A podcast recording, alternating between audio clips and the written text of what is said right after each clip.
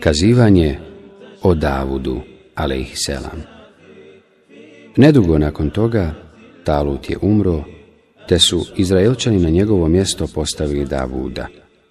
Allah uzvišen je Davudu, selam dao vlast i poslanstvo istovremeno. Do tada su vlast i poslanstvo kod Izraelčana bili u odvojenim lozama. Davud, Selam je to objedinio. O tome uzvišeni Allah kaže. I Davud ubiđa Aluta, I Allah mu dade vlast i mudrost i nauči ga onome čemu je on htio.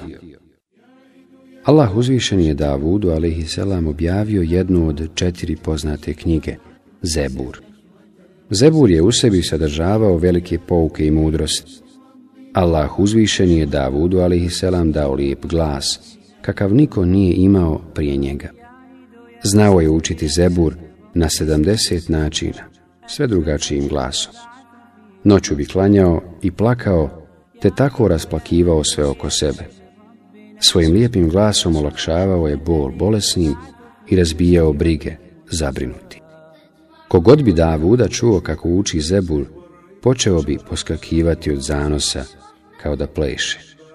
I džinni i ljudi i životinje su se okupljali i slušali njegovo učenje. Kad bi počeo da uči Zebur, ptice bi zastale u zraku i za njim ponavljale veličanje i slavljenje Allaha. To isto činila su i brda, i jutrom, i večeri. Uzvišeni Allah kaže I potčini smo planine i ptice, da s davudom Allaha hvale. To smo mi bili kadri učiniti. Evzai kaže Neke životinje su njega tako dugo slušale da su umirale od gladi i žeđe. Zbog ljepote njegova glasa znale su se i rijeke zaustavljati. Pored lijepog glasa Davud selam je bio nadaren i brzim učenjem Zebura. Bukharija prenosi od Ebu Horeire radi Allahu Anhu da je poslanik sallallahu alaihi rekao Davud je lahko i brzo učio. Znao bi narediti da se osedlaju jahalice, pa bi prije proučio kita, nego što bi one bile osedlane. Jeo je samo od zarade svojih ruku. Davud a.s. je bio predan i badetu i neumoran u činjenju dobrih dijela.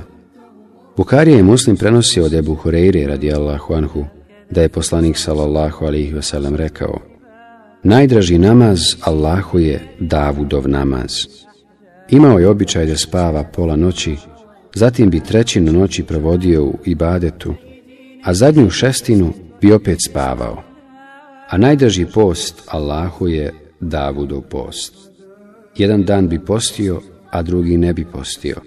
I nikada, kada bi se sukobio s neprijateljem, nije uzmicao. Davud a.s. je uzor na koji se u pobožnosti i činjenju dobrih dijela trebalo i treba ugledati. Uz njega i njegova porodica je danonoćno dijela u ibadetu. Uzvišeni Allah kaže Trudite se i budite zahvalni, o čeljadi Davudova, a malo je zahvalnih među robovima mojim. Uzvišeni Allah kaže I sjeti se našeg groba Davuda, čvrstog u vjeri, koji se uvijek Allahu obraćao mi smo brda počinili da zajedno s njim hvali Allaha prije nego što sunce zađe i poslije, pošto grane, a i ptice okupljene, svi su oni zbog njegova hvaljenja hvalu ponavljali. I učvrstili smo carstvo njegovo i dali mu mudrost i sposobnost da rasuđuje. Allah uzvišen je Davudu, selam, dao veliko carstvo i naredio mu da bude pravedan i da slijedi istinu koju mu je objavio, a ne nešto drugo kao što su strasti i lično mišljenje. Allah uzvišen je njemu i svima onima koji se nečim drugim rukovode i po drugačijim normama sude zaprijetio teškom patnjom. Uzvišeni Allah kaže O Davude, mi smo te namjesnikom na zemlji učinili, zato sudi ljudima po pravdi i ne povodi se za strašću da te ne odvede sa Allahovog puta. One koji skreću sa Allahovog puta čeka teška patnja na onome svijetu, zato što su zaboravljali na dan u kome će se računi polagati.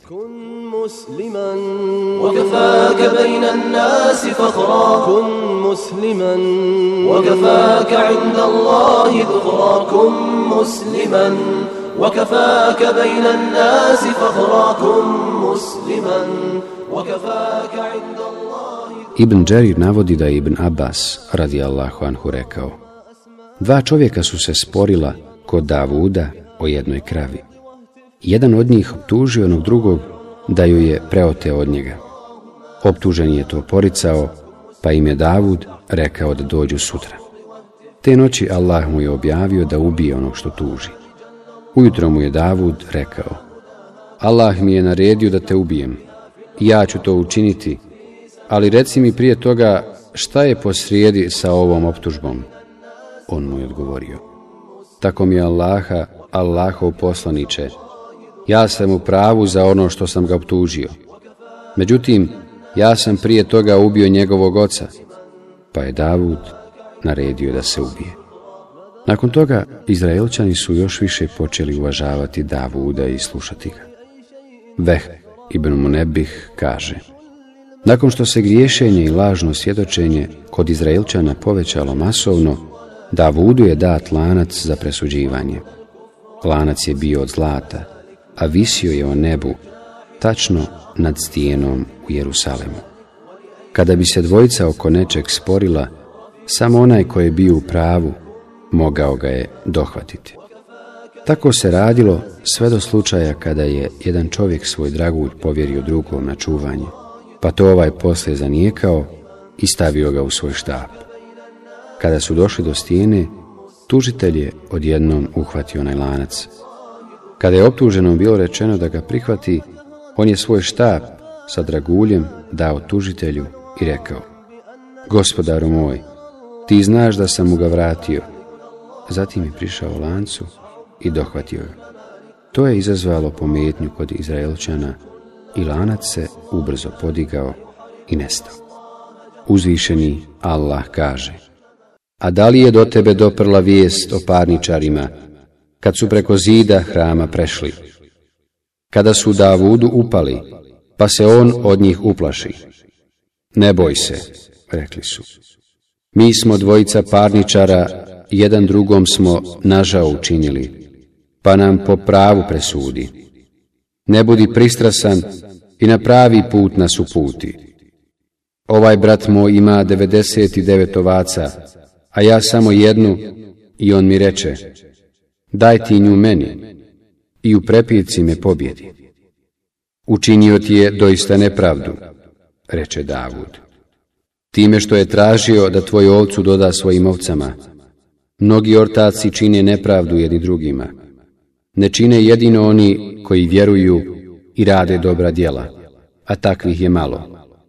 I Davud se uvjeri da smo mi baš njega na kušnju stavili. Pa oprost od gospodara svoga zamoli, pade licem na tle i pokaja se. I mi smo mu to oprostili i on je doista blizak nama i divno prebivalište ga čeka. El Hasan kaže Davud je ostao na toj seđdi 40 dana. Allah uzvišen je Davudu, i selam, omekšao gvožđe, tako da ga je rukama mijesio i obrađivao bez ikakve potrebe da koristi vatru i čekić.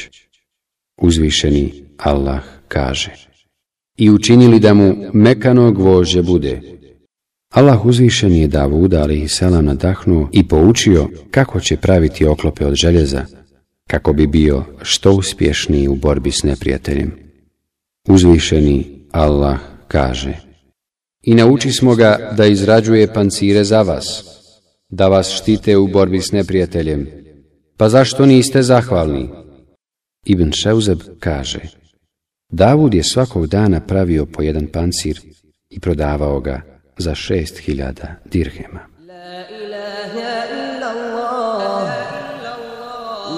إله إلا الله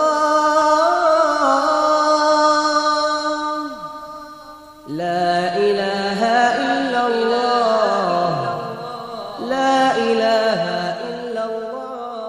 Od Davuda su prenesene mnoge mudre izreke. Abdullah ibn Mubarek u dijelu Ez-Zuhd kaže Veh ibn Munebih je rekao Jedna od Davudovih mudrih izreka glasi pametan ne smije zanemariti četiri momenta. Čas u kojem se obraća svome gospodaru.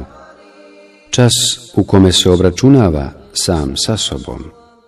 Čas koji posvećuje iskrenim prijateljima koji mu ukazuju na sobstvene mahane i o njemu govore ono što misli.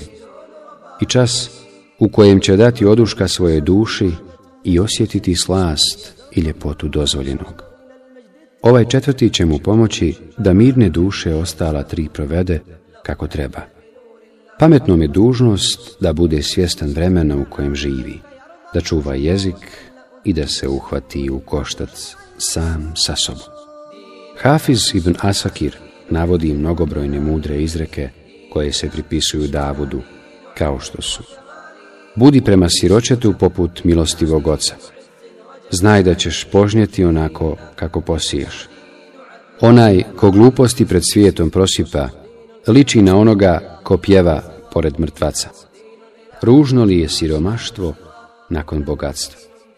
Gore od toga je kad neko nakon upute zaluta. Pogledaj šta ne voliš od onog što se o tebi priča pred svijetom, pa to nemoj raditi kad si sam. Ne ostaj kod prijatelja duže nego što bi ti njega mogao ugostiti, jer se time ruši prijateljstvo. U vezi s Davudovom, selam smrću, Imam Ahmed prenosi od Ebu Hureyre radi Allahu Anhu da je poslanik salallahu alihi vaselam rekao Davud je bio jako ljubomoran, pa je pri izlasku iz kuće zaključao vrata kako niko među njegovu čeljad ne bi ulazio dok se on ne vrati. Jednog dana izašao ostavivši za sebe zaključanu kuću. Obilazeći kuću, njegova žena je iznenada ugledala jednog čovjeka kako stoji nasred kuće, pa je u ne upitala. Kako je ovaj čovjek ušao kada su vrata zaključana? Tako mi Allaha, osramotit ćemo se pred Davudom.